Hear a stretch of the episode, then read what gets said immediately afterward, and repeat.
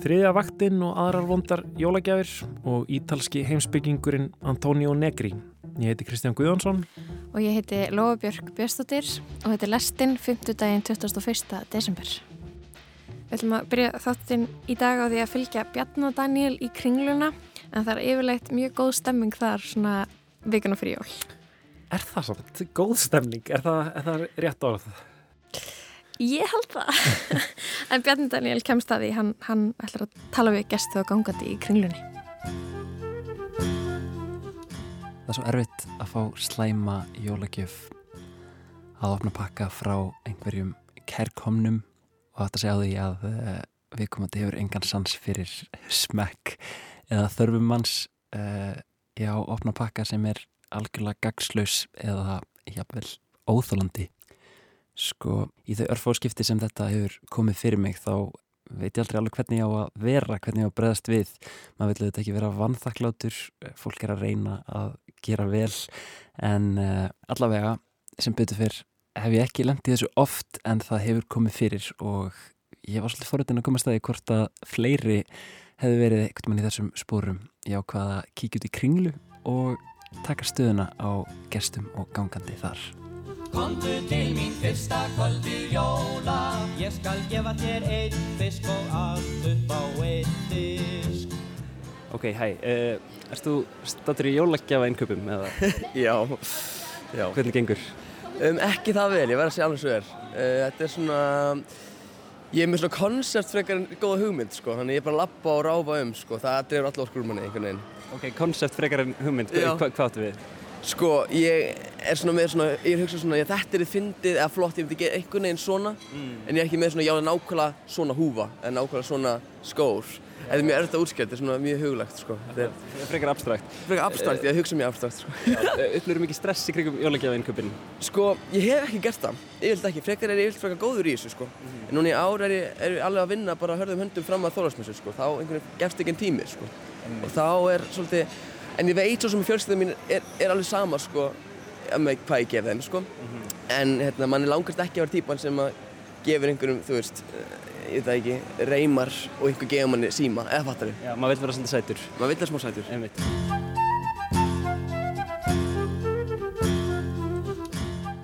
Þessi byrja á að spyrja það, ertu stödd hér í jólagjafa innköpum?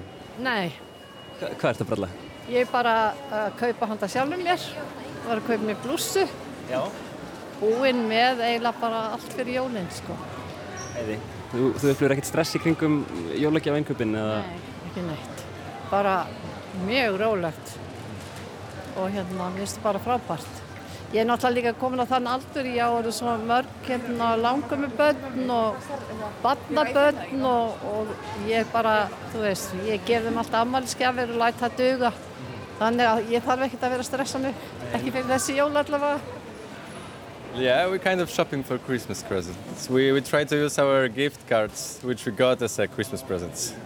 Uh, from work or something like yeah, that? Yeah, usually from work. So is it a gift card from Kringlan or how does Yeah, it work? it's a Kringland gift card, and we both got it in our workplaces. Okay, where, where are you working? I work in uh, Kafi Vesturbayer and Tjarnabio, Mm-hmm. and Czesha works in Riedasapten. Yeah, but I got my card also from Cafe Fest. I used to work there. Yeah, I, I think it's a classic gift from workplace. Ég kom yngi alla leið þess að kaupa jólagjafir, já. Hvernig gengur? Uh, svolítið erfitt að velja, en þú veist, uh, það er líka út að ég er ekki mjög ákveðin og ég vil líka velja, þú veist, gjafir sem eru persónulega, þú veist, bara þannig ég get sínt að ég hugsa um manneskjuna. Hérna, er þetta- er mikið að gjöfum sem þú ert að kaupa? Uh, já, þú veist, alveg frekar stór fjölskylda og ég vil kaupa gjafir handa alla, þannig já, svona kannski átta gjafir, átta manneskjur, eitthvað svoleiðis. Já. Upplýður mikið stress í kringum þetta, þessi innkaup? Nei, ég myndi ekki segja það, ég bara, bara taka tíma til þess að velja og, þú veist, ég myndi ekki segja að ég er stressaður, ég frekar bara að fer varlega með því að velja, veist, réttu gjafir og svo. Vandar valið? Erst þú stættur hérna í jólagjafa innkaupunum? E, já, það er nú kannski meir en bara bara. Kona mín er að velja sér jólagjöf frá mér Það er svoleiðis? Ég slepp ansi billega. Ok, einmitt, að hún getur bara valið eitthvað sem hún er til í og, og, og þú borgar brúsan. Ég treysti henni algjörlega fyrir því að miklu betur en ég reyna að gera þetta. Okay. Hafið þið haft þetta fyrirkomulega á lengi? Eða? Já, við uh, getum bara sagt að þetta séu svona nálgast 50 ár. Ok, Já. hvernig dætti ykkur þetta í hug? Af því að hún er bara svo, hefur svo ákveðin smekka og öllu sem við til skartgripum og fötum að ég, þetta er nánast út til okkar fyrir mig að hitta á akkurat þennan smekk þá þarf ég alltaf að vera að kaupa einhverja sko innegnanót og, eh, með einhverja innegnanót og svoleiðis til þess að hún geti skilað því. Það er miklu betur að velja þetta bara sjálf. En hún er hér einhver staðar og ég var að reyna að ringja henni aðtók hvort þú væri búin að þessu. Erst þú hérna í jólagjafainköpum eða hvað, hvað er þetta, bralla? Já, passar. Í jólgjáða engubum. Hvað, erstu búin að finna eitthvað skemmtilegt? Já, ég fann hérna skýrt í herragarðinum, já. Hver, hver fær skýrtuna?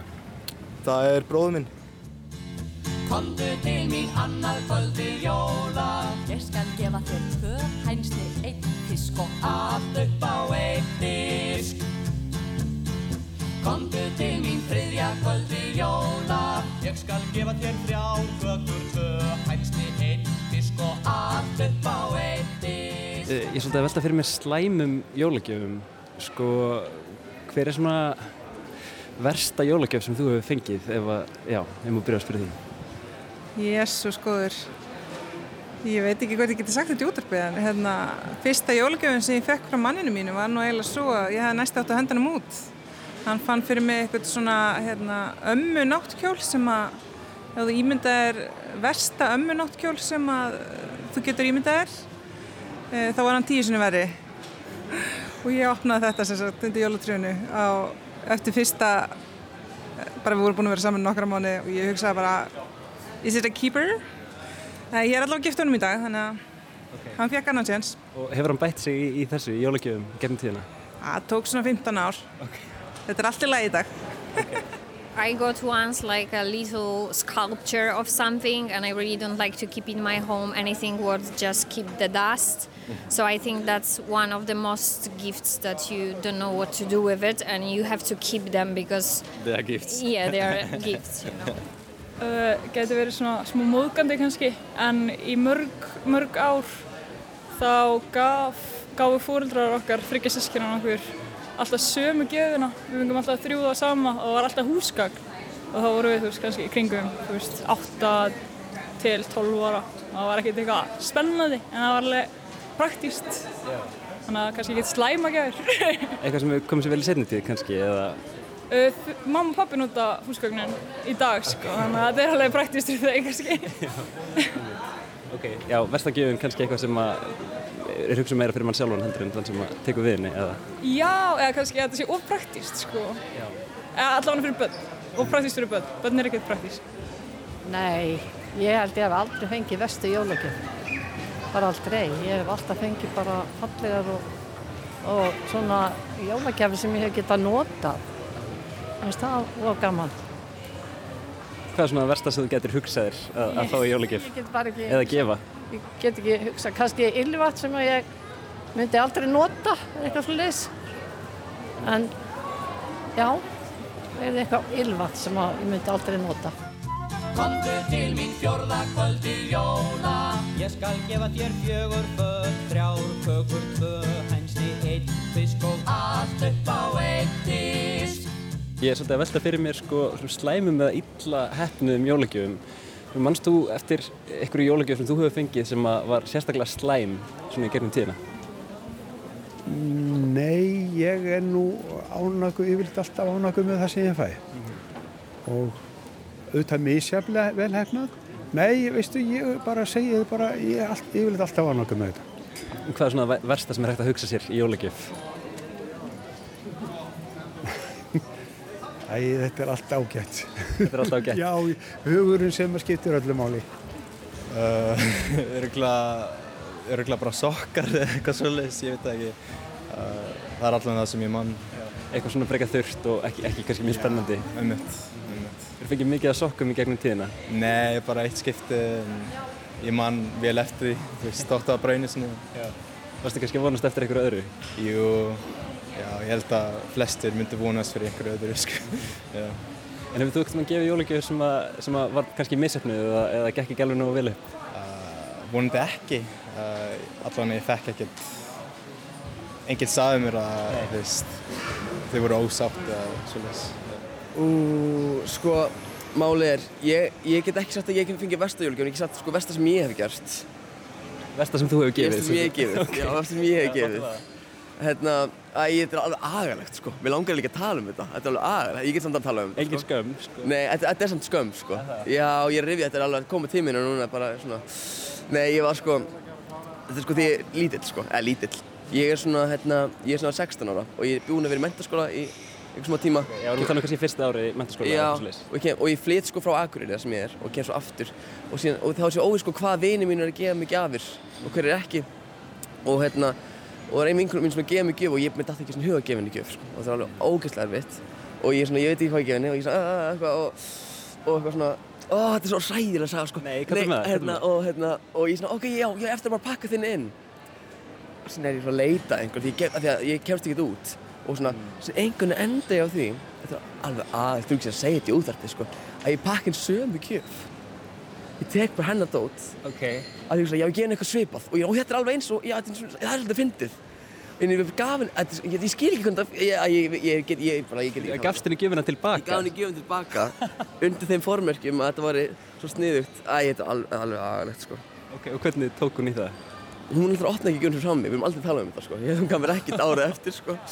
Er sko, en við erum góð vinnir, þetta er alltaf lagi sko. Ef ég hætti ekki að rifja þetta upp með henni þetta er hún myndir bara hlæja að sér Já, kannski í dag eh, ekki, ekki svo, svo leiðilegt lengur. Nei, en samt alveg, ég finn alveg svona óþægn tilfinningu í mér sko, við tala um þetta. Komdu til mín fymta kvöldi jóla. Ég skal gefa þér fimm feit, fjögur föt Þrjár kökur, tvö, hænsni, eitt fisk og Allt upp á eitt disk. Komdu til mín sjötta kvöldi jóla. Ég skal gefa þér sex svín með grísum Fimm feit, fjögur föt, þrjár kökur, tvö hæmsni, einn fisk og allt upp á eitt disk Hver er svona versta jólagjöf sem þú mannst eftir að hafa fengið? Er Erfið spurning kannski. Já, þetta er erfið spurning, sko. Eitthvað sem kemur upp í hugan? Nei, ég held ekki, sko. Einmitt. Um, en svo besta, mannst eftir einhverju jólagjöf sem að, svona, þér fannst þótti sérstaklega væntum? Já, það var í fyrra því ég vekk ferði til útlanda. Hver gaði það? Mamma og pappi. Hvert fóruð? Við fórum til Colorado í skíðaferð. Ok, geggjað, geggjað. Hvað er óskalistanum í ár? Sko, ég á allt sem ég langar, þannig það er aftur bara einhverju útlandaferð, sko. Hvað, hvað er það besta sem að þú mannst eftir að hafa fengið á jólunum? Í jólagjöf, ó, ég veit það ekki, mér er samverið alltaf best og ég hef alveg fengið svoleiðis gjafir alveg töluvert undanfarið og ég kann eiginlega bara mest að meta þær, veist, eins og einhver býði mér með sér í brönns eða eh, eitthvað svoleiðis, það eru bara bestu gjafna sem ég fæ, samvera. Gefa, gefa upplifanir, eins og talaðum. Já, upplifanir og helst með manneskinu sem er að gefa, þannig að ég, þú veist, geti átt með þeim tíma. Komdu til mín sjötta kvöldi jóla Ég skal gefa þér sex svín með grísum Fimm feit, fjögur föt, þrjár kökur, tvö hæmsni, einn fisk og allt upp á En hvað þarf jólagjöf að hafa til að vera góð, finnst þér? Bara að, bara smá væntum þykju. Bara eitthvað sem mannesk, að maður sér að kannski hugsa til manns. Það þarf ekki að vera stort, það þarf ekki að vera neitt mikið. Eitthvað, eitthvað persónulegt, kannski? Já, bara eitthvað, eitthvað svona lítið og sætt og kannski með smá, smá ást á bak við það. I think if it's a good gift when it's useful, right? And it's not just a dust keeper that you can just throw somewhere and then you keep it only because it's a gift from someone. Of course, the best ones are that you made them. For me, I also uh, do a lot of handwork, so I prefer to give the gifts that I made. Yeah, but that's- I agree, I sometimes agree. I have no idea what I can give for my uh, mother fifth time, you know. So I'm looking for something else. But I think the best ones also are experienced ones. So, for example, if you can give someone, I don't know, like a bungee jump or Yeah, I don't know something Like a ticket somewhere a yeah to do something together to go to the theater to do something unusual this is also like my favorite ones so handmade or the experienced one Komdu til mín sjönda kvöldi jóla. Ég skal gefa þér sjö sá sæði Sex svín með grísum Fimm feit, fjögur föt Þrjár kökur, tvö Hænski, einn fisk og allt upp á eitt disk. Komdu til mín áttunda kvöldi jóla. Ég skal gefa þér átta geitur uppkyrndar Sjö sálsæði Sex svín með grísum Fimm feit, fjögur pött Þrjár kökur, tvö Hænsti, einn fisk og allt upp á eitt disk Sko, ég get sagt að við fjölskyldan tókum einu svona ákvörðun sko að sleppa gjafagjafir og fórum frekar í ferð saman sem var bara heildar gjöf og mér var stæla langt best. Utanlandsferð þá? Já. Hvert fóruð þið? Fórum til Thailands og það var bara geggjað. Ég held að ég myndi finnst það leiðilt að vera í sólinni sko um jólinn þegar svona, en það var bara æðislegt sko. Og þó að sé ekki utanlandsferð sko, bara stundum með að bara, já, ég bara fara saman bara, þú veist, bara í leikhús eða eitthvað skiljur eða eitthvað. Bara, mér þætti það bara jafnvel skemmtilega heldur en að vera í þessu pressu með gjafir sko. Já, að fá hluti, frekar að gera eitthvað Já, saman. af því að það er svo leilt að maður þarf að kaupa eitthvað hlut. Það er alveg út í hött, sko, finnst mér. Já, mér þykir alltaf vola væntum bara jólagjafinna bara frá börnunum mínum og börnabörnunum og langömu um jólin alltaf, það eru þau. Kannski til að enda bara á léttunótunum, sko, eh, er einhver gjöf sem að þú mannst eftir að hafa fengið gegnum tíðina sem þið þótti alveg sérstaklega væntum? Örgulega mynd af mér og mömmu mínu. Það, já, það... Frá, frá henni sem Já, sagt? frá henni. já. Það er mjög fallegt. Takk fyrir þetta, gleðileg jól, gangið vel. Já, gleðileg jól, semlega. Komdu til mín níunda kvöldi jóla Ég skal gefa þér nýju hrúta Lægið Komdu til mín á fyrsta kvöldi jóla með hljómsveitinni Þrjú á palli. Bjarni Daniel var í kringlunni að velta fyrir sér góðum jólagjöfum og slæmum jólagjöfum. Um, eitthvað sem við erum búin að vera að ræða. Nokkra Já, myndli, Kristján. Algjörlega, við erum múin að ræða þetta kannski ekki síst í kjölfar þessara frétta um að hérna, þriðja vaktinn, bók eftir Þorstein eh, Karlmennsku hlaðavarpara, eh, Þorstein Vaff Einarsson og, og, og konun hans Huldu Tölgjes, sálfræðing, eh, bók sem að jafnbrettis handbók heimilinsins kallaði þetta Það var umræðum um þetta að bónus alltaf ekki selja þessa bók fyrir jólin. Um, erum alltaf með takmarka pláss og svona þurfa að velja vel inn og ákvaða að velja ekki þessa bók inn til Mhm. að selja. Og Þorsteinn var mjög ósattur með þetta og hvati fylgjendur sína til, a, til að senda post á Ester hjá, hjá, hjá bónus.is var víst hún sem tók þessa ákvörðun Já, það var mjög umdeilt mitt- fólk uh, fannst þann hérna vera einhvern veginn, það var svolítið frekja Já. og að nafngrinnana og byggja ykkur, byggja fólk út í bæ um að senda tölupósta og eitthvað svona, já, umræðan fór að snúast um þetta. En uh, við fórum að veltaði fyrir okkur sko, hvort það var í slæm jólagjöf eða ekki. Einmitt, Þú veist, hvort það að maður ætti yfir höfuð að gefa ykkur um þessa bók í jólagjöf og hvernig því er þið tekið Já, því að sko, þetta er náttúrulega, já, fjallar um, um þriðju vaktina og, og, og, og svona, maður getur ímynd sér að ef maður fengi þessa e, jólakjöf til dæmis frá magasínum að, að ma maður uppliða sem eitthvað svona árás, hérna, herðu, þú ert ekki að taka þátt í, í þriðju vaktinni. Þetta væri svona passiv-aggressív, hérna, gjöf sem kannski er ekki, ekki það sem maður, vill endilega fá aðfangstagskvöld, eitthvað svona passiv-aggressív kommentum að maður standi sig ekki nógu vel á heimilinu. mm einmitt og ég var svona smá að veltaði fyrir mig sko hvort að veist, maður þurfti endilega að lesa þetta þannig um, hvort þetta veist, það væri einhvern, einhvern veginn endilega alltaf hægt að þú veist, tólka þetta sem passive-aggressive Mhm. uh, ég var líka að spá, þú veist, er þetta ekki líka bara eitthvað svona félagsfræðibók það er búið að sapna saman viðtölum með alls konar fólk og þú hefur úrslega mikið áhuga á samfélaginu og hvernig fólk er að upplifa sig uh, Mhm. þá getur verið gaman að glugga í henni. En- en, en, en- ef þú ert óörugur geggur þessu, þú veist, náttúrulega þriðavaktin er hugræna byrðin þú veist, það er fyrsta vaktin sem er bara að vinna en önnuvaktin þú fyrir heim og gerir heimilstörfin þriðavaktin er skipulagið og verkstjórnin og að sjá, sjá fyrir öllu til dæmis að, að velja Jólagjafir. að hugsa, hugsa fyrir því hvað á þessi frænka að fá í jólagjöf Já. og Björn Daniel talaði einmitt um það að, að hann sá, sá mjög skýrt að í kringluna að það voru mjög oft svona kall, kallar sem stóðu fyrir utan búðir voru kannski að horfa á eitthvað í símanum sínum held á einköpapókum og meðan konan var eitthvað staðar inn í búð að, að kaupa ekki jólagjafir ímyndaði hans sér sko. Mér finnst þetta að vera smá tími á árinu þar sem að það, þú veist, það kemur ljós alls konar svona dýnamík í samböndum Karla og Kvenna hver Já. er það sem raunverulega sér til þess að sé allt hugulegt og gott á jólanum og Mhm. þú veist, hver kann að meta það og hver getur komið auga á alla vinnuna þarna baki eða þú veist, er partur af galdrinum, galdrinum að við viljum ekki uh, endilega horfast í augu við það. Við viljum bara svona að maturinn töfrist fram á borðið og það sé allt útrúlega reynd og það fá allir gefuna sem það akkurat langaði í.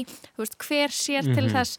En svo einmitt, já, en já það er, En, en, en er þetta ekki, eh, sko, en, en, en að fá þessa gjöf á aðfangadagskvöld, það einhvern veginn uh, dregur aðteglina að þessu, þessum hlutum sem við viljum kannski að séu gangi bara smurt. Er þetta ekki soldið eins og að gefa uh, bók sem er eitthvað svona, hvað ég var að segja, annarkvort svona sjálfsjálfa bók eða eitthvað svona, hérna, um, megrunar bók eða eitthvað svo leiðis, er hægt að, hérna, sem bendur á gallana þeina já, eitthvað sem að svona, já, Jú, jú skilur við, einmitt, jú veist það er líka leiðilegt að fólk upplifa að geta ekki átt í samtali um þetta og það, það þurfa að gefa bók. En kannski er búið að eiga samtali 20 sinnum Mhm. kannski er þetta eitthvað svona loka útspill Mhm. herru, þú ert aldrei með á nótunum. Þú fær þessa bók núna, hérna, þú veist þetta er bara eins og fyrsta viðvörun fyrir skilnað eða eitthvað, eða ég veit ekki þú veist, ég er svona ég veit ekki út af því að þú veist ef, að, ef, ef maður ímynda sér að maður sé ykkur pari og hinn manneskjan er aldrei á þriðuvaktinni þú veist, það er líka ókslega leðilegt já, þannig að ég veit ekki, þú veist má ekki svara leðilegu með leðilegu jólin eru náttúrulega bara ekki staðurinn fyrir það það er kannski bara málið. En, en getur Ég veit ímyndað það ekki. eitthvað aðra svona vondar gjafir? Er þetta ekki, já, ég veit ekki, ég, hvað eru vestu gjafir sem þú getur ímyndað er að gefa eða fá? sko ég held sko ég, ég skil smá pælingu með að þessi leðilt að fá þessa þriðvættu bók út í því að þú veist ég var alltaf svona nákvít og er ennþá, bara ég verð ég með mjög hvíta húð og það hefur oft þótt í tísku að vera svolítið tanaður eða brún Mhm. og hérna og sömur er auðveldra með að fá lit. Og svo ein, ein jólin gaf vinkonum mín mér hérna brunkukrem og hann fannst það ógeðslega fyndið.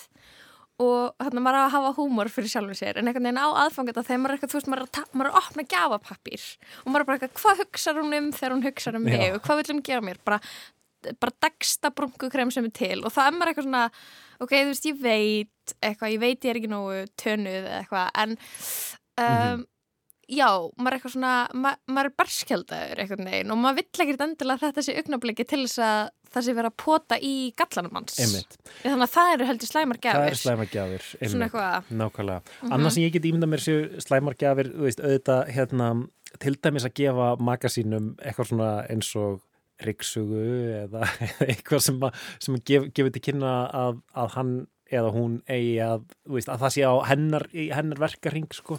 einmitt eins og þegar að pabbi minn gaf mömmu minni há þrýsti þvottadælu einn jólin Já, emmitt. sem er svona sem hún notar til að ná mósanum sem kemur á milli þannig múrstinana í gangstíðinni En var það því að hún vildi það eða? hann vildi há Ah. þrýsti þvottadælu Það, það er önnur tegund af, af vondri gjöf sem sagt, Aha. að að gefa það sem að maður sjálfur vill sko. En er þetta ekki svolítið mikið? Við verum að tala um eitthvað svona hjónabönd, pör, pör sem eru mjög lengi saman. Samilur fjárhagur, húsnæði sem þau eigið og börn sem þau eru að ala upp og þau hafa valið að verja lífinu saman. En svo áttu að gefa ykkur ókslega hugul sem að gjöf og þú veist bara, þú veist, ofan á allt, eða skilur þau, þegar, ég veit ekki, ég veit alveg um mörg pör sem að velja að gefa ekki gjafir bara út af því að þú veist, það er ekki, Mhm. þeir, þeir eru bara saman og Mhm.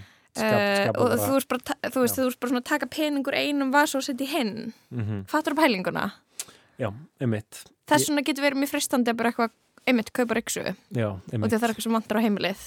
Eða, þú veist... eh, háþrýsti þóttadælu eða Borvél hvítir. eða eitthvað hérna. Já, en allavega uh, vondar jólagjafir, uh, fólk þurfa að passa ykkur á því að gefa ekki alls ekki gefa vondar jólagjafir. Um, en við ætlum að snú okkur að allt, allt, allt öðru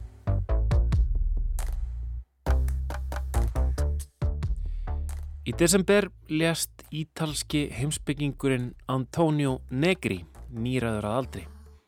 Hann er eitt þeirra hugsuða sem hefur haft hvað mest áhrif á róttakar vinstri hreyfingar á setniluta 20. aldar og upp úr aldamótum. Einn af þeim sem að reyndi að uppfæra marxíska greiningu á kapitalismannum fyrir nýja tíma nattvæðingar og internets. Hann er eins og er mjög umdeldur, á sér mjög sérstakar sögu, satt meðal annars í fangelsi og var síðar í útlægð, sagaður um tengsl við hriðjuverkahópin Rauðu herdeldinnar sem framti mannrán og pólitísk morð á 8. og 9. áratögnum. Antonio Negri var fættur í Padova árið 1933, gekk í ítalska kommunistaflokkin upp úr tvítugu eftir að hafa dvalið eitt ár á sósialísku samirkjubúi í Ísrael. Hann læriði heimsbyggi og fekk stöðu sem kennari við háskólan í heimaborg sinni. Á þessum árum var mikil olga og gróska í pólitík hjá verkafólki og öðrum vinstrimönnum og negri og fleiri fór að tala fyrir ákveðinni nálgun, vinnustefna, operaísmó og síðar autonómismi. Kanski svo margir muna að þá var sem sagt sko rosalega öllu kommunistarhefing á Ítalju strax eftir setni heimstyrjöldinu. Þetta er Viðar Þorstensson, heimsbyggingur og fræðslustjóri eblingar en hann hefur þýtt teksta eftir Antonio Negri á íslensku og var einn af þeim sem stóðu fyrir heimsókn hans hinga til lands árið 2009. Og auðvitað tengdist það náttúrulega hérna hrunni döða fasismans á Ítalíu og, og, og því að sagt, hérna, kommunistanir hafa verið leiðandi í ansbyrnirhefingunum og svo framvegs og einhvern veginn koma til leiks bara alveg gríðarlega vel skipulaðir og vinsælir í ítalskun stjórnmálum. Þetta verður náttúrulega bara svona okkur problem sko í, í þessari svona heimskipan sem þá er verið að búa til, að búa að draga þarna upp í áttjaldið og ég meina Ítali átti náttúrulega ekki að vera kommunistaland samkvæmt þessum stóru plönum sem var búið að gera sko. En einhverju síður voru kommunistanir í rauninni stæsti flokkurinn á Ítali þó svo er verið ekki með hreinan meirulita. En hérna, en þrátt fyrir að já, kommunistaflokkurinn hafi verið svona rosalega öflugur, sagt ítalski kommunistaflokkurinn, það var náttúrulega líka doldið svona trénaður og, og, og, og svona varðfljótt náttúrulega svolítið bjúrokrætskur og svona ákveðin hérna byrði sko þessi tengsl við Moskvu og hérna, þú veist, ríkiskommunismann sko. Og þá gerist það á Ítali eins og gerist náttúrulega allstaðar á Vesturlöndum að það fara að spretta upp svona alternatívar vinstri hrefingar og hérna þetta er náttúrulega tengt við sko nýja vinstrið. svona orð, orðið sem er oft notað e, e, yfir það. Og það er í, í þessu andrúrslöfti sem að þessar hérna, reyfingar verða til hérna, meðal sagt, bæði verkafólks og stúdenta. Og, og þetta, voru, sko, þetta var alveg rosalega flóra af reyfingum, veist, það voru líka trotskistar og maoistar og, og hérna ég veit ekki hvað hvað sko. En, en þessi tiltekna svona þessi tiltekni hugmyndaströymur hann er eiginlega svona svolítið sér ítalskur þessi hérna, autonomismi eins og það var kallað og, og sagt, negri á samt fleirum hann á þátti því að stopna uh, róttakarhefingu sem heitir Potere Operaio sem þýðir svona eitthvað vald vinnunar eða eitthvað slíkt og, og síðar var annað nafn á því var Autonomia Operaia. Og þetta voru svona fleiri tiltölulega kannski óskipulæðir svona smá hópar en voru þess að samin að sko svona uppreistna gerna stúdenta annars vegar sem að hann alltaf negri hafiði góðan aðgang af verandi þess að háskóla kennari og kendi stjórnmála heimsbyggi hann að í Padova en líka var, sko, voru, var, var þetta verkafólk og starfsfólk í versmiðunum og því var líst þannig í þessum bóku sem ég hef lesið um þetta þessar reyfingar áttu oft sko gott með að ná til verkafólk sem var aðeins svona utan veldu inni, innan svona hérna stopnanavætu ítölsku verkalsreyfingar og, og, og þá líka komastaflokksins það voru til dæmis innflytjendur sem voru nýkomnir frá söður Ítalíu og voru svona auðnaveldu töluð aramálískur og veist, fyttuðu kannski ekki alveg inn í svona þessa hérna, svona leipur aristokrasíu sem að er kannski ríkjum svolítið annar staðar sko. Þannig að þetta er svona, já, þetta er svona áhugaverður suðu pottur róttækra reyfinga sem eru líka svona leifa sér að vera sagt, ekki með réttrúnað á marxismann, er að endur skoða hann og endur hugsa hann og, og svona. Og það er þarna sem að já, hann hann Antonio Negri sprettur fram sem svona ábyrgandi persóna í ítölsku þjóðli. Mm -hmm. Er einhver ákveðnar hugmyndir, eh, einhver ákveðin kenning, einhver ákveðnar hugmyndir sem að, sem að einkenna já, hann og, og, og, og þessa þessa reyfingu sem hann svona tilherir og er nefndur í Já, sko, þetta, þetta er nú kannski sko í raun og veru áður heldur en að sko hann negri fer að verða svona þekktur beilinis fyrir sko svona háheimsbyggileg skrif og ég held kannski að kjarnin í þessum hugmyndum er kannski ekki eitthvað neitt mjög flókin, hann er í raun og veru bara áhersla á ómiðlað vald, þú veist, verkalýsins sjálfs hann geti skipulagt sér sjálfur, þurfi ekkit endilega að vera inni í stofnanavættum hérna hreyfingum eða þú veist hugmyndafræðilegum flokkum eða eitthvað slíkt sko. Og þetta er auðvitað eitthvað sem er til í þú veist undir öðrum hérna heitum og merkjumum þú veist annars það er í heiminum bara þú veist anarko-syndikalismi eða eitthvað slíkt sko. Þannig ég held að það kannski verið svona kjarnin í þessum hugmyndum og kannski sjálfur sér ekkit, ekkit sko neitt hérna brjálæslega nýstálegar þannig en þær voru höfðu ákveði held ég ákveði aðdraftalega á Ítalíu á þessum tíma vegna þess hversu óbúslega, þess að ég segi, stopnan á eittur sko, mm. kommunistaflokkurinn og verkefliðsrengin uh, voru þarna í landinu á þeim tíma. Á sjönda og áttunda áratögnum var mikil pólitísk olga á Ítalíu og baráttan varð ofbeldisfull. Pólitísk hriðuverk bæði frá hægri og vinstri, fasistum og vinstri rótaklingum og lögregluofbeldi og ofsóknir ríkisins var daglegt brauð og þarna var Antonio Negri í ringiðunni. Ránið í morgunu virðist hafi verið þaulskipulagt. Fréttamenn sem fyrstir urðu á vettvang segja að símalínur á svæðinu hafi verið kliftar í sundur greinilega til þess að tafs samt yrði að ná í laurugluna. Hemdarverkamenn voru í tveimur bifröðum, annari var skindilega ekið á bifröð Moros á gatnamótum Þá stökkuð þrý skærulegar út úr annari bifrið og skutu á lífverði leðtóhans í lauruglubíl sem fyldi bíl Moros. Lífverðinni fimm voru skotni til bana. Síðan var ekki á brott með Moro. Ímis samtök segjast hafa rænt Aldo Moro en lauruglan telur sennilegast að skærulega samtökin Rauðu herratildirnar hafi rænt honum. Ræningar Moros skildu líka hans eftir í bíli miðborgur Rómar 9. mæ. Negri var árið 1978 dæmtur í fangelsi fyrir tengst sín við rauðu herdeldirnar sem höfðu rænt og myrt fyriröndi fósettisráðara Ítalju. Árið 2009 spurði Fridrik Pál Jónsson Negri út í þessar ásakanir í viðtali í speklinum. Oui, on m'avait accusé de ça, mais c'était complètement faux. C'était un peu... J'étais l'intellectuel italien qui avait une certaine leadership, euh, exercé un certain leadership. Já, ég var sakaður um þetta, en það var algjörlega ránt. Ég var ítalsku mentamæður, fórustumæður í hópum vinstrimanna lengst til vinstri og varð blóra bökull. Ég var sakaður um margt, um 20 mandráp. Þetta var allt ránt, þetta voru augranir. Það var allt og sumt, segir Antonio Negri. Mais c'était complètement faux. C'était vraiment la, c'était vraiment une provocation et c'est tout. Þessar reyfingar sem að hann spratt upp úr og letti og var, veist, áþektur fyrir að vera í, sko, það, það er að segja, þarna, autonomía, þessar autonomista reyfingar og það, það, þær voru bara alls ekki tengdar, hérna, rauðu herdildunum. Og, ég, og þessi, handtaka og, og þessari ofsóknir ríkisvaldsins á hendur uh, negri þarna, ég minna, voru bara eins og sko, sumt annað sem var í gangi á þessum tíma á, á Ítalju. Það var óbúslega hérna bara mikið svona bara ríkis ofbeldi í gangi, réttafarslegt ofbeldi og lauruglu ofbeldi gegn aktivistum á vinstri kantinum og þá þetta bara, þú veist, var tækifæri notað sko af því auðvitað allir þetta náttúrulega mikill í reyði og, og nextlan þegar að hérna, rauði hertildirnar fremja þetta morð á fórstsáðaranum sem var náttúrulega bara já, einmjönuðluslega bara mjög hérna, mjög grimmileg og bara ógeðfælt pólitísk aðgerð.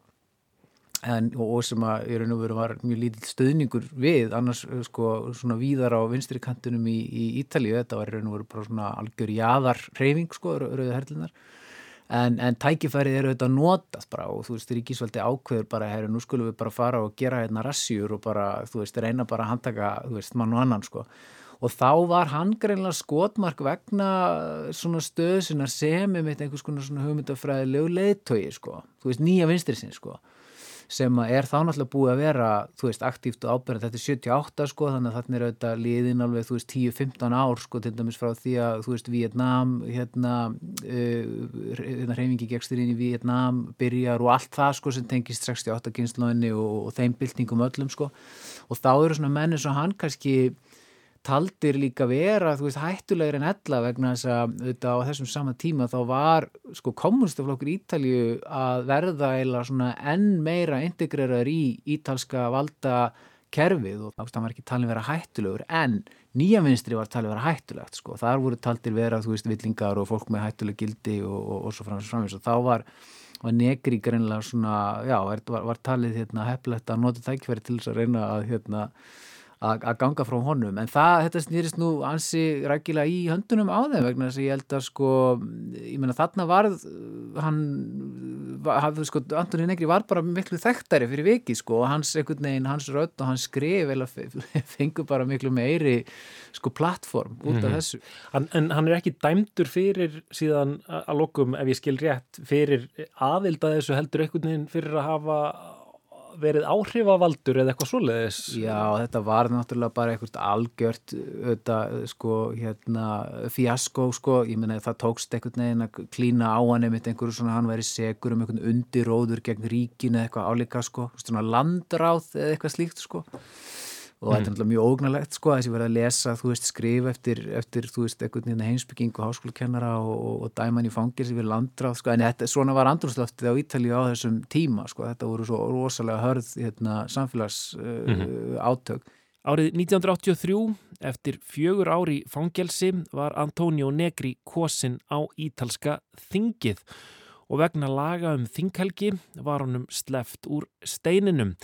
Tímabundið Því skömmu síðar ákvað þingið að afnema þinghelgi Negris en þá hafðan flúið til Fraklands fyrir tilstilli franska heimsbyggingsins Felix Guattari og mannréttindasamtakana Amnesty International. Hann snýrði upp í það að, að þetta mór segja vilja svona opnað honum líka ákveðnar ákveðnar dyr vegna það sem að gerist síðan er að, að það er sko, hann, hann sérst næra að flýja til Fraklands og þar er honum veitir raun og veru pólitíst hæli og þar kemst hann einmitt í tæri við sko sagt, frönsku heimsbyggina sem að þá er náttúrulega mjög frjó alveg rosalega mikla hræringar í gangi í sagt, franskri þarna, hugsun sko. Og þá náttúrulega hittir hann bara, kemst hann þar inn í, inn í svona umhverju það sem að hérna hann er í raun og veru bara búin velkomin þar og, og sagt, franska akademían opnar dyr sínar fyrir honum og hann getur þá ekki verið eins og verður í, í pólitískum aktivisma í sínu heimalandi en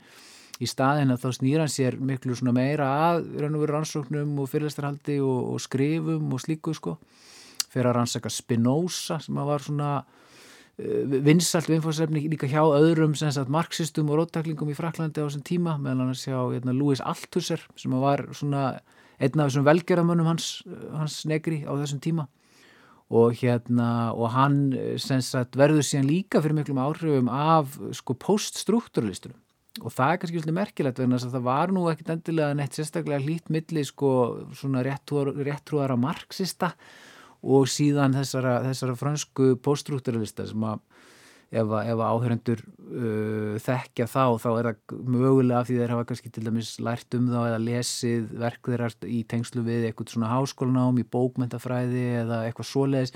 Og þetta er nú ekkit endilega mjög tengt svona, þú veist, hérna, stjórnmálum uh, svona líðandi stundar sko, ég er að tala um höfunda eins og hérna Sjakt er í dag eða, eða slíka sko. En það einhverja síður verður rosalega svona frjór hérna samfundur sko hjá honum, Negri. Og hann einhvern veginn og það er síðan svona það sem að hann í raun og veru helt áfram að gera og varð á endanum hans framlag til heimsbygginar. Það var það að svona þróa og þroska þetta samtal milli sem sagt, raun og veru marxískra fræða og marxískrar áherslu á greiningu kapitalismans, á stjættagreiningu og allt það en að setja það uh, á sama tíma í samhengi við nýjar, frjóar, áhugaverðar pælingar um til dæmis vald og flera sem mm -hmm. hann hérna náði einhvern veginn ótrúlega góðu valdi á og náði að tvinna saman á, á mjög frjóan hátt og, og hérna og kannski ger, tókst það best upp á mínu mati í bókunum sem hann skrifaði svo löngu síðar sko, við erum að tala um bara, já, eða bækur sem hann skrifaði á, á hérna, eða vann að á tíunda áratöknum og ég held að Empire, sem er raun og veru langt frægast að verki hans, hann skrifar það með bandarískum bókmyndafræðingi sem heitir Michael Hart. og hún kemur út árið sko held ég 2000 ef ég fer ekki rámt með sko. Og þá er það verk sem þeir eru búin að vera að vinna í þarna e, árum saman. Og, og svo kemur framhaldsbók sem heitir Multitude og svo þriðja bókin sem heitir Commonwealth. Og hérna og það eru alveg frábærar og stórmerkilegar bækur Mhm. og, svona, og, og klálega líka svona það lang aðgengilegasta sem að hann negri uh, skrifaði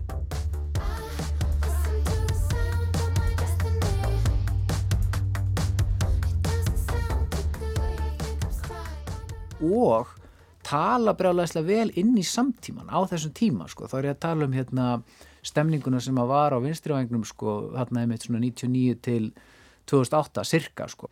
til dæmis hugtækið sem þeir uh, hann og, og, og Michael Hart búa til sem er hérna multitude að þetta er svona eila nafn sem að má nota um sko mótmælarhefingarnar sem að voru stóðu hvað hæst á þessum tíma sko og kannski hérna eru einhverju hlustendur sem að muna eftir til dæmis bara hérna þú veist mótmælunum í Seattle árið 1999 og svo í kjölfarið kemur svona reyna á alveg massífu mótmælarhefingum sem að spretta upp sérstaklega í euróskum borgum þetta var í hérna, þetta var í Gautaborg og þetta var þú veist hérna víðar sko þar sem að voru mikil átöku lauruglu og þetta var alveg svona heil kynnslóð af mm Mhm. róttangum vinstrumönnum sem mótaðist mjög mikið af þessum árum sko og þetta voru svona laus tengdar reyfingar, það Mhm. voru ekki það voru svona alveg eins í raun og veru eins og sko þessi pólitík sem að Negri stundaði sjálfur með sínum félögum á Ítalíu þarna sko, þú veist 30-40 árum fyrir sko, þær voru sérst ekki svona stopnarnabundnar, þetta voru ekki skipulaði stjórnmálaflokkar, þetta voru oft svona svona leðtólausa reyfingar, mjög svona horisontal, flatar og í bókinni Empire þá eru hann og Hart, Michael Hart einmitt á svona filosófera í kringum þetta þú veist, Mhm. hvernig þetta sé mögulegt þeir eru svona jafnvel að spá fyrir um að þetta sé framtíð róttækra reyfinga sko, að vinna þannig og starfa þannig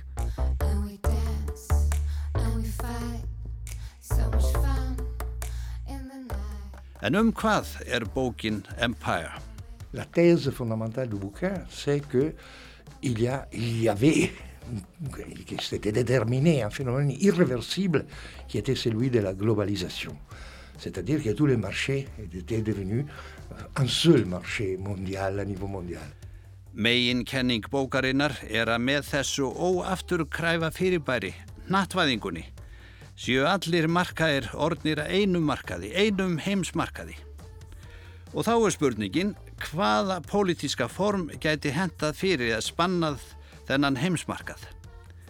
Það er augljóst, segir Negri, að ný frjálsíkjumenn og bús fyrirverandi fórseti höfðu svar við spurningunni. Þeir vildu skipuleikja markaðin þannig að hann yrði í þáu auðmaksins, ekki endilega bandarísks auðmaks, heldur kapitalista allra þjóða. Negri vil annað. Hann segir að nú séu meiri möguleikar á því en áður að vera frjáls vegna nattvæðingarinnar. Hún gerir menn jafna á vissan hátt, segir hann. Hefðbundin heimsvaldastefna er úr sögunni vegna þess að nú eru allir tengdir öllum. Það er engin einn sem getur skipa fyrir og stjórnað.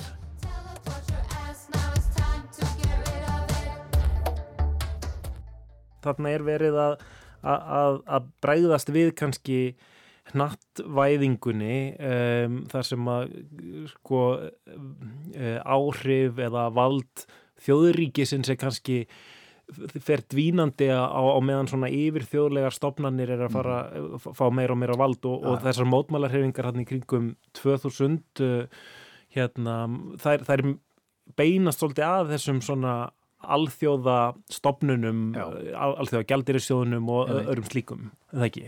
Jú, akkurat og, og sko það má kannski segja að sko nákvæmlega það hvernig vald virkar í kapitalismanum er mjög heillandi fyrirbæri, mjög heillandi viðfársefni fyrir fræðimenn vegna þess að sko uh, menna, vald í kapitalismanum er bara miklu sko, margslungnara fyrirbæri heldur en í um, sumum öðrum samfélagsgerðum sko, því við berum saman við þú veist lénskerfi eða eitthvað, ég meina þar er valdið er bara svo rosalega formgert, skilur, það er bara, það er bara þetta, þú fæðist aðalsmaður og þá bara getur þú farið og gert það sér sínist við, við hérna bondan sko, eða eitthvað, slíkt sko.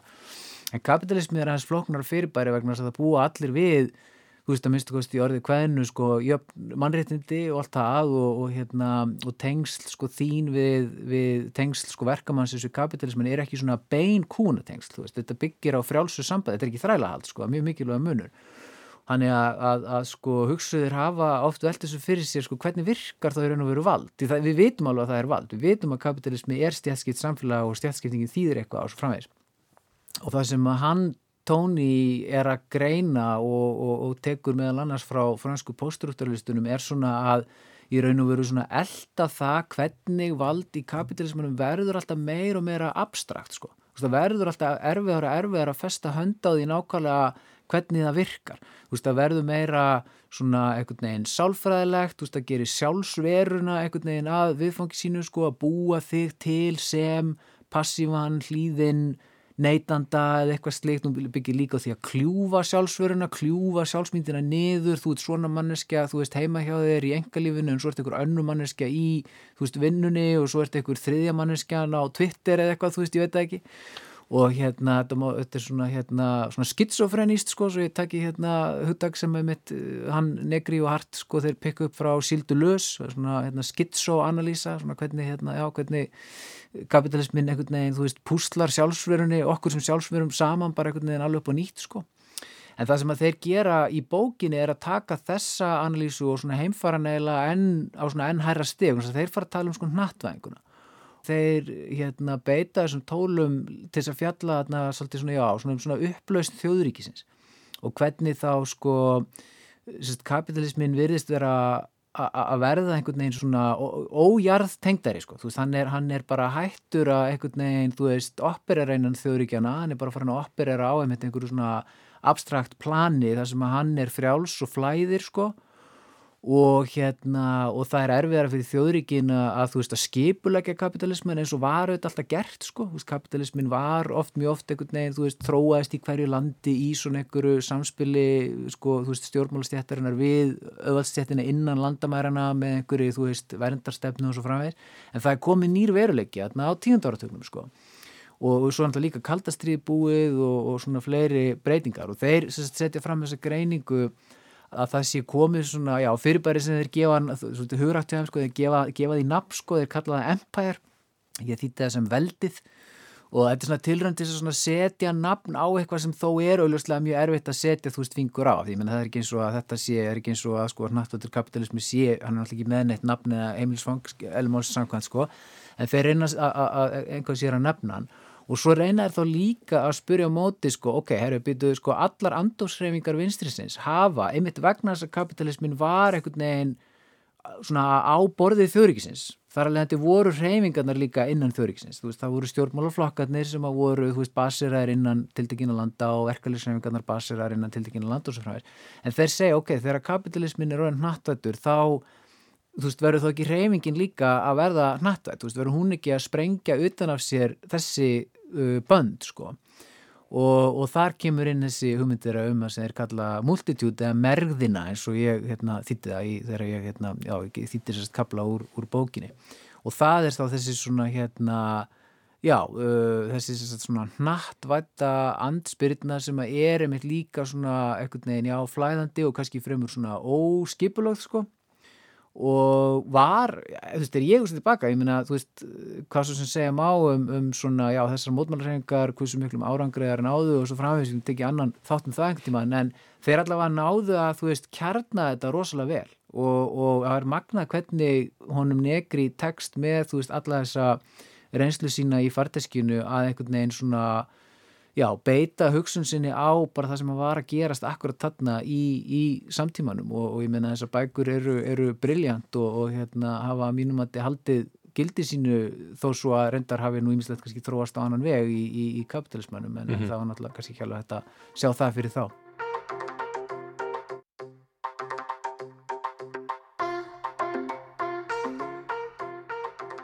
Eins og áður segir kom Antonio Negri til Íslands árið 2009 á samt félaga sínum Michael Hart.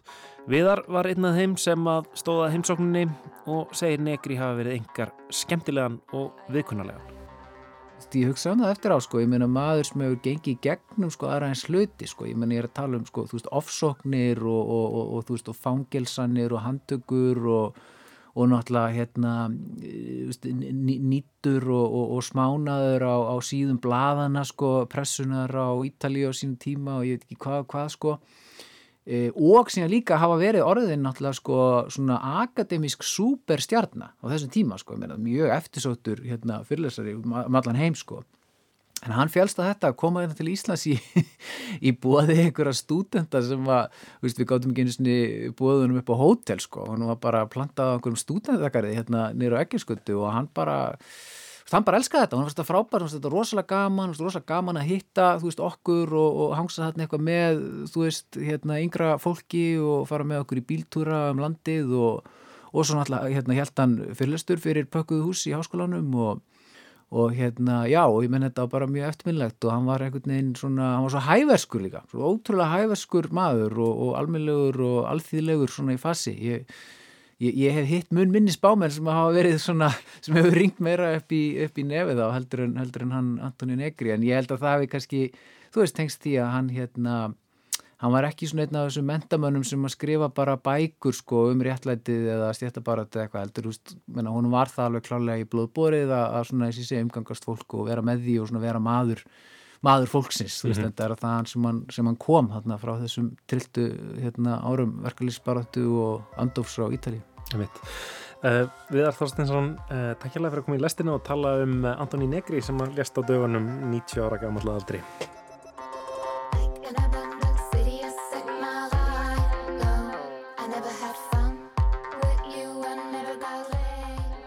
Þetta lag heitir I Want to Lick the Eyeballs of Free Market Capitalism og er af plötunni LFO með Apex Anima en það er listamannsnafn tónlistakonunnar Unnar Andru Einarsdóttur um, kannski, já, nokkuð viðeðandi lag að spila á eftir einslægjum kommuníska heimsbyggingin frá Ítalíu Antonio Negri sem að lést 16. desember síðastliðin 90 ára gamall og um, Í þessu einslæði hljómaði líka annan laga plötunni sem að heitir Wrong Frequency um, og já, þetta er eina af þeim plötum sem að fekk uh, krömsverlunin uh, núna í desember. Uh, það eru verlun sem að eru, fyr, eru veitt fyrir plötur sem að þykja að hafa staðið upp úr á árinu að gæðum metnaði og frumleika, þetta er kannski alveg svona frumleika verlun, myndi ég segja, mm -hmm. krömsverlunin. Skemmtileg listakona, Apex Anima. Um, en já, lestinn, hún verður ekki lengri í dag og þetta er síðasti þátturinn okkur fyrir jól. Algjörlega. Mm -hmm. um, hvað, hvernig sér þið fyrir þér jólinn hjá þér, Lóa? Ég held að vera bara hefbundin, sko, en Já. þín.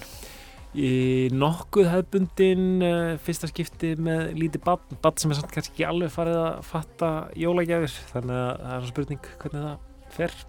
Það verður okkur skemmtilegt. Já. Öruglega. Öruglega. Um, við þakkum samfélgin í dag. Tæknum var Lítiða Grettsdóttir. Hafið það náðut um hátíðinar?